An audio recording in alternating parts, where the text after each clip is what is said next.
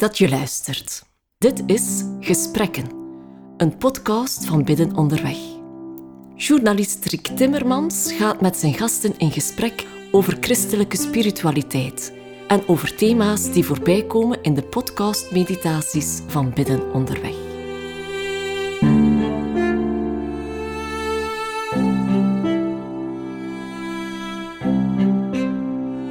Een van de belangrijkste thema's, onderwerpen in de Ignatiaanse spiritualiteit, is het begrip onverschilligheid, indifferentia. Ehm, nou, het lijkt ons goed om daar een keer wat verder over door te praten. Want dat uh, begrip ja, is natuurlijk niet per se dat je denkt, oh ja, onverschilligheid, uh, dat lijkt ons een goed idee. Uh, maar dus misschien om te beginnen kun je eerst eens uitleggen, wat is dat voor begrip en waar komt dit vandaan? Inderdaad, het woord onverschilligheid is heel belangrijk voor Ignatius, maar heeft helemaal niks te maken met de betekenis waarin wij het vandaag gewoonlijk begrijpen. Vandaag betekent onverschilligheid apathie. Apathisch, ja. Apathisch, het, het kan me allemaal niet schelen, laat maar zijn, uh, ja. mij maakt het niet uit. En daar gaat de Ignatiaanse onverschilligheid niet over. De Ignatiaanse onverschilligheid is eigenlijk een heel positieve houding. Het gaat over vertrouwen. Het gaat over voldoende in verbondenheid leven met God.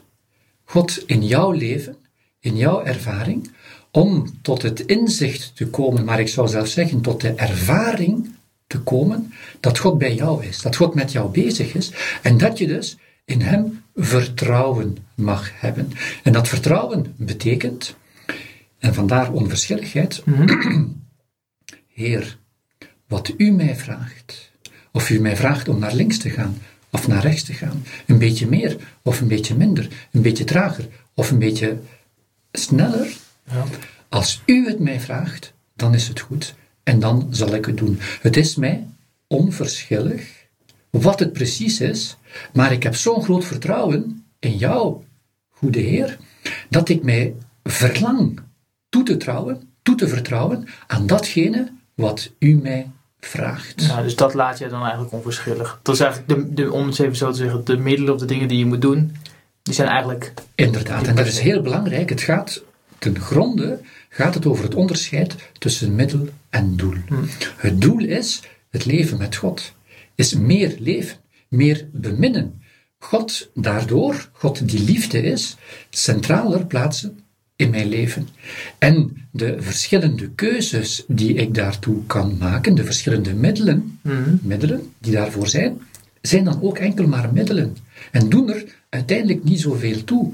Dus als ik merk, Heer, gij nodigt mij uit tot deze keuze of tot een andere keuze, ik verlang echt te doen wat gij mij vraagt, omdat ik er vertrouwen in heb, in geloof, dat wat gij mij vraagt, datgene waar gij mij toe uitnodigt, voor mij gewoon de beste weg is tot leven en tot die vreugde, hm. die steeds het naamplaatje, het merkplaatje is van die verbondenheid met God. Uh, ja, volgens mij begrijp ik wel wat, wat het betekent, maar als je. Uh, het klinkt ook nog een beetje. Uh, in een soort van verhouding tussen God en mens, dat je dingen moet kunnen verstaan wat je dan precies moet doen en zo. Het klinkt een beetje als een soort van ideaal waarvan je zegt, ja oké, okay, dus goed. Als God zegt, ik moet achter die, uh, moet die weg ingaan, dan doe ik dat. Maar ja, zo duidelijk is het natuurlijk vaak niet. Dus nee. heeft concreet niet heel ander soort lading. Dus concreet betekent het eigenlijk om te groeien in die onverschilligheid, mm -hmm. in die innerlijke vrijheid, in die mm. innerlijke beschikbaarheid, in dat vertrouwen. Ja, je zou kunnen zeggen dat is gewoon een, een kengegeven, een theologische waarheid en die moet je aannemen, doorslikken, punt aan de lijn. Maar zo gaat dat niet. Zo gaat dat niet, althans niet bij de meeste mensen, zeker niet bij mij niet.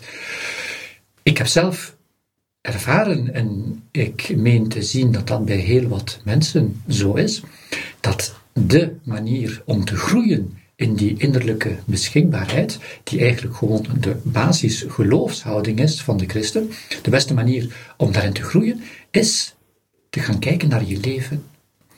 En is terug te blikken op je levensverhaal in al zijn verschillende aspecten, om te zien, vaak om te ontdekken, en soms tot je eigen verwondering, hé, hey, hier was God aanwezig. Hé, hey, dat is gebeurd.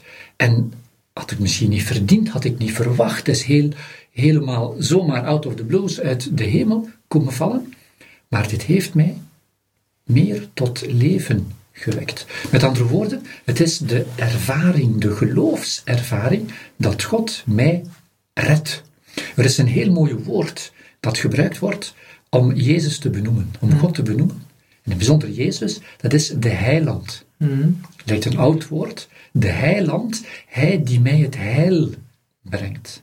Hij die mij uitnodigt en die mij steeds opnieuw duwtjes geeft in de rug. Nou ja, niet als iets van uh, wat ver in de toekomst ligt. Nee, maar nu, heel concreet. Wel, hoe is God mijn heiland geweest? Welke is mijn gewijde geschiedenis? Ja. Mijn geschiedenis met God. En naarmate je daarin groeit, en naarmate je leert te onderscheiden mhm. hoe God heel concreet aan de slag is gegaan, en ik heb, en jij daar uiteraard, jij, ik, daar hebben aan meegewerkt, in die mate zal ook mijn vertrouwen en mijn vermogen om mij toe te vertrouwen aan God in die onverschilligheid. Vraag maar, Heer, ik verlang te doen wat gij van mij vraagt. Zo zal die sterker worden. Hm. En wat is dan, we hadden het wel even over het, over doel en middel, maar wat is dan het doel? Het doel is om te kunnen leven met, vanuit, voor God.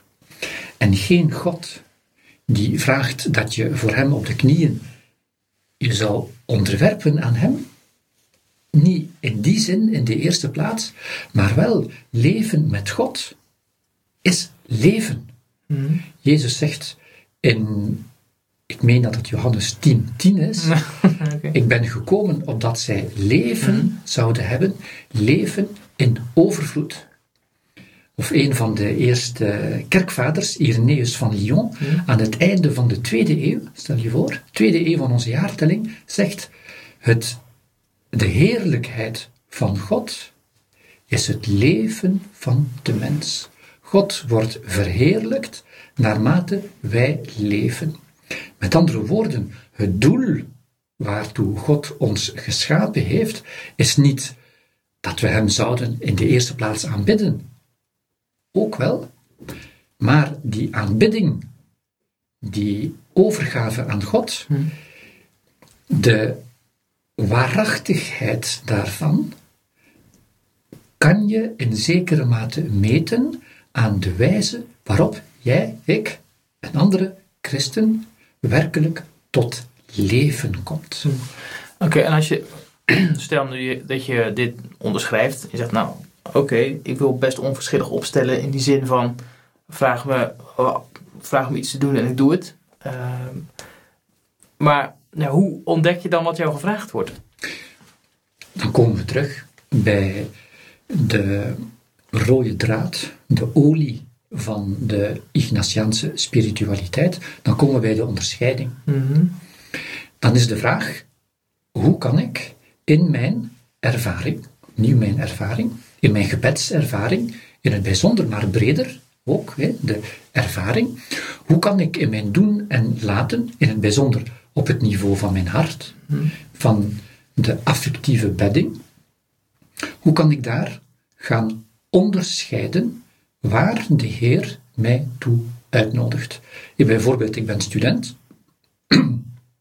en ik sta voor een belangrijke studiekeuze of ik moet gaan nadenken over mijn beroepsoriëntatie mhm. en dergelijke meer. Wel, dan kan ik bijvoorbeeld twee alternatieven gaan vastleggen, twee zaken die echt serieuze mogelijkheden zijn en die min of meer aan elkaar gewaagd zijn. Dus niet tussen iets en niets, maar werkelijk twee ernstige mogelijkheden waarvan ik denk, ja, als ik kijk naar mijn ervaring, naar, naar mijn punten, naar mijn stages, naar mijn hobby's en dergelijke meer, wat mijn vrienden zeggen, wat mijn familie zegt, ja, ik denk inderdaad dat dat is een ernstige mogelijkheid, dat is een mogelijkheid.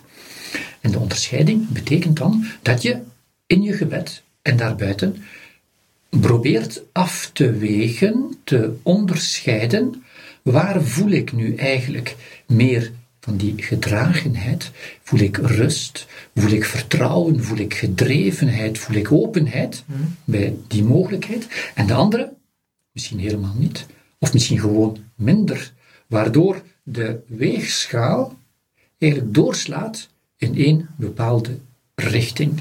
Dus als ik dan werkelijk onverschillig ben, mhm. en onverschilligheid betekent dan kunnen, willen, durven luisteren, mhm.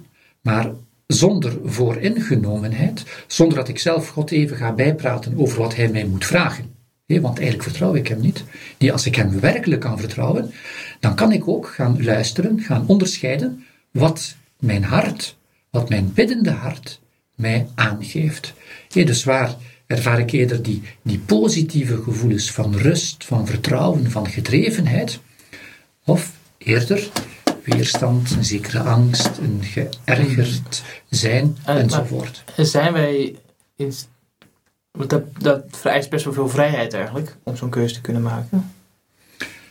Inderdaad. En dat betekent eigenlijk, denk ik, uh, Rick, dat uh, je er best vroeg mee begint. Jij bent een jonge vader. Hmm. Je hebt nog heel jonge kinderen. Maar, maar toch, uh, ja, omdat, omdat je erover begint, zou zo'n onverschilligheid ook betekenen of het kind mij afgenomen wordt of niet? Daar sta ik onverschillig tegenover. Ehm, niet om het even wat is toegelaten. Ik bedoel, uh, mocht jij zeggen, ja, mocht ik er onverschillig, mocht het mij om het even zijn, of mijn kind uh, mij wordt afgepakt. Ja. ik zeg maar een dom voorbeeld door een slavenhandelaar, dat is hier niet meteen aan de orde, maar in sommige landen is dat wel zo, kan mij helemaal niet schelen. Nee, nee. dus er zijn bepaalde regels, zou ik zeggen, die je ook in het evangelie hmm, terugvindt. Okay, trouwens, misschien, misschien, je moet respectvol zijn. Maar een ander voorbeeld dan, want Ignatius noemt ook... Uh, als hij hierover spreekt in de geestelijke oefeningen, heeft hij het over een kort leven, lang leven, ziekte of gezondheid. Mhm, mhm, mhm. Dat maakt me niet uit. Nou kan je zeggen, nou maakt mij op zich niet zoveel uit of ik een kort leven heb of een lang leven. Maar ik heb nog wel een vrouw en ik heb nog wel kinderen. Dus je bent niet op zich vrij om, denk ik, helemaal vrij om te kunnen zeggen, ik daar sta ik onverschillig tegenover. Ik zou het anders zeggen. Uh, je bent van jouw leven, maakt deel uit dat jij echtgenoot bent, ja. dat jij vader bent. En in jouw onderscheiding moet je daar rekening mee houden. Want jij, en ik ook niet, mensen onderscheiden niet in het luchtledige. Je hebt een aantal engagementen op jou genomen, definitieve engagementen, als echtgenoot, als vader bijvoorbeeld. Mhm. En die moet je een plaats geven binnen jouw onderscheiding. Jij kan niet zeggen, ja, ik ga onderscheiden en oké, ik neem de mogelijkheid in overweging om uh, vanaf volgende maand ergens in Tibet in een hutje te gaan wonen en daar uh, lekker monnik uh, te zijn en mijn vrouw en mijn kinderen, ja, die moeten maar een plan trekken. Nee, zo kan het niet, want je hebt deel van jouw leven maakt uit van eerder gemaakte keuzes. Eerder gemaakte die keuzes. er ook op en die moet je meenemen in je onderscheiding. Anders is het om het even wat. Hmm. Hmm, ja, nee, oké. ja. Oké. Okay. Ehm, dus, maar, maar het werkt, werkt het ook op, want dit zijn allemaal hele grote nou, thema's. Misschien dat wij toevallig bij de kop pakken, zoals een studiekeuze of uh, nou ja, wat ik net noemde. En werkt het ook op een kleinere schaal? Het werkt op alle schalen. Uiteraard, eh, onderscheiding gaat niet, ga ik nu vandaag witte kousen of zwarte kousen aan doen. Nee, daar gaat het niet over. Maar ook voor eenvoudige keuzes, ga ik nu die middagpauze uh, korter of langer nemen? Ga ik sporten, ga ik niet sporten?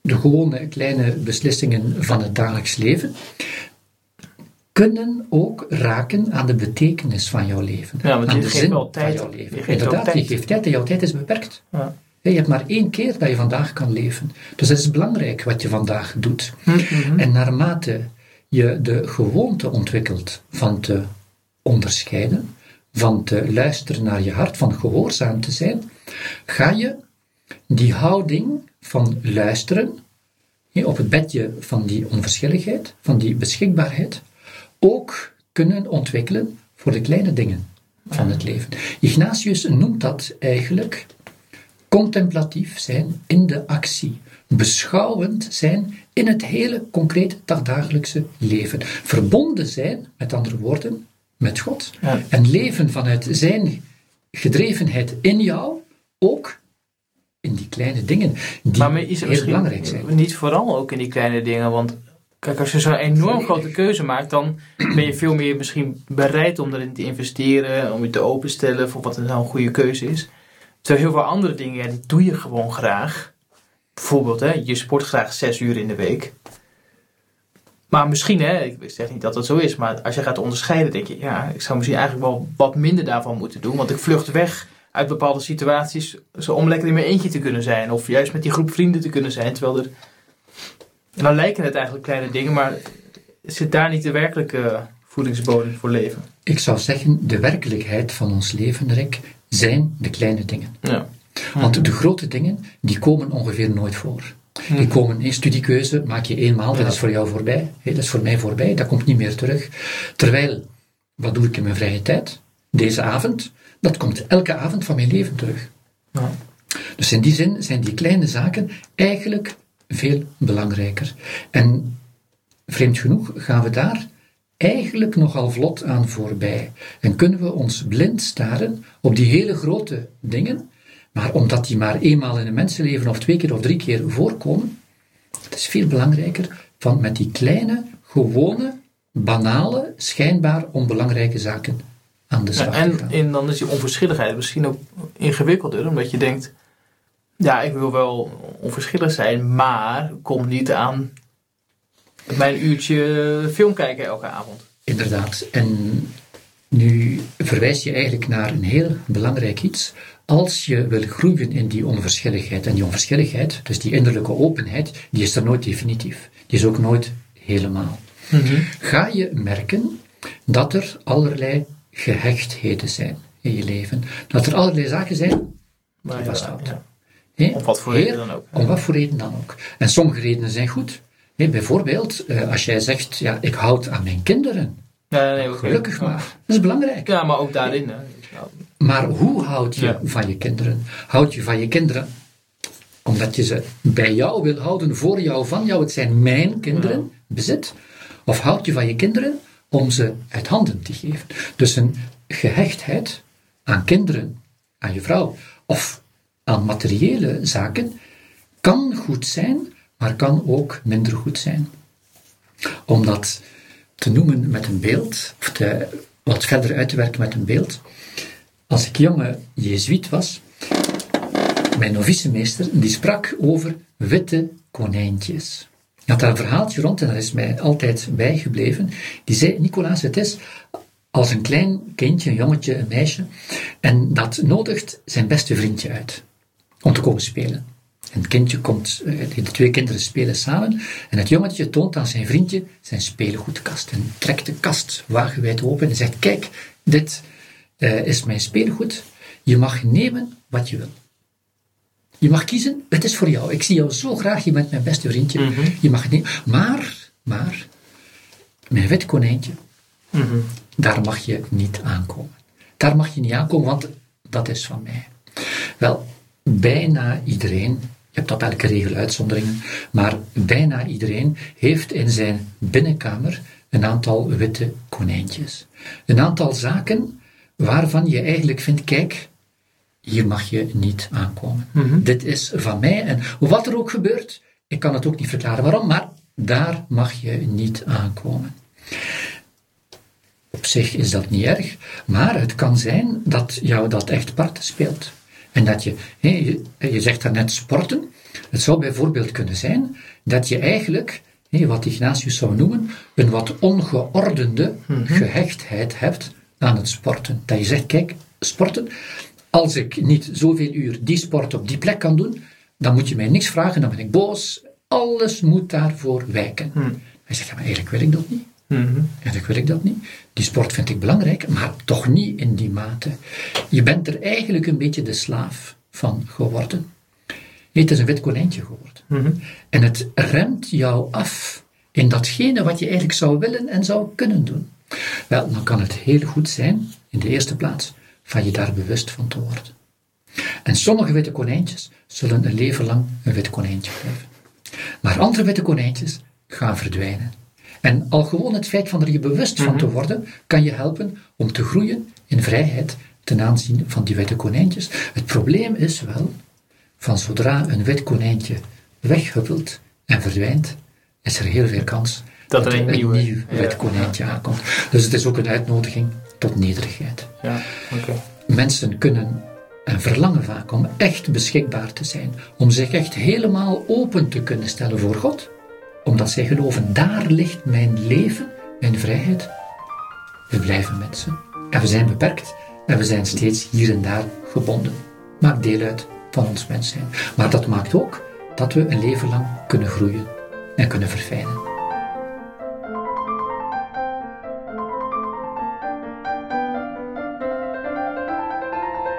Heb je genoten van dit gesprek? Als je via Spotify of SoundCloud naar dit gesprek hebt geluisterd, kun je de aflevering delen via Facebook, Twitter, maar ook in je Instagram-story. Bedankt alvast.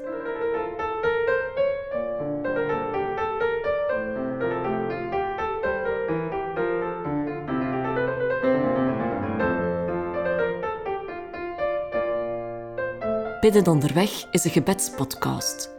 Iedere dag staat er een nieuwe Bijbelmeditatie van ongeveer 12 minuten voor je klaar. Je vindt de gratis app van Bidden Onderweg in je App Store of ga naar biddenonderweg.org.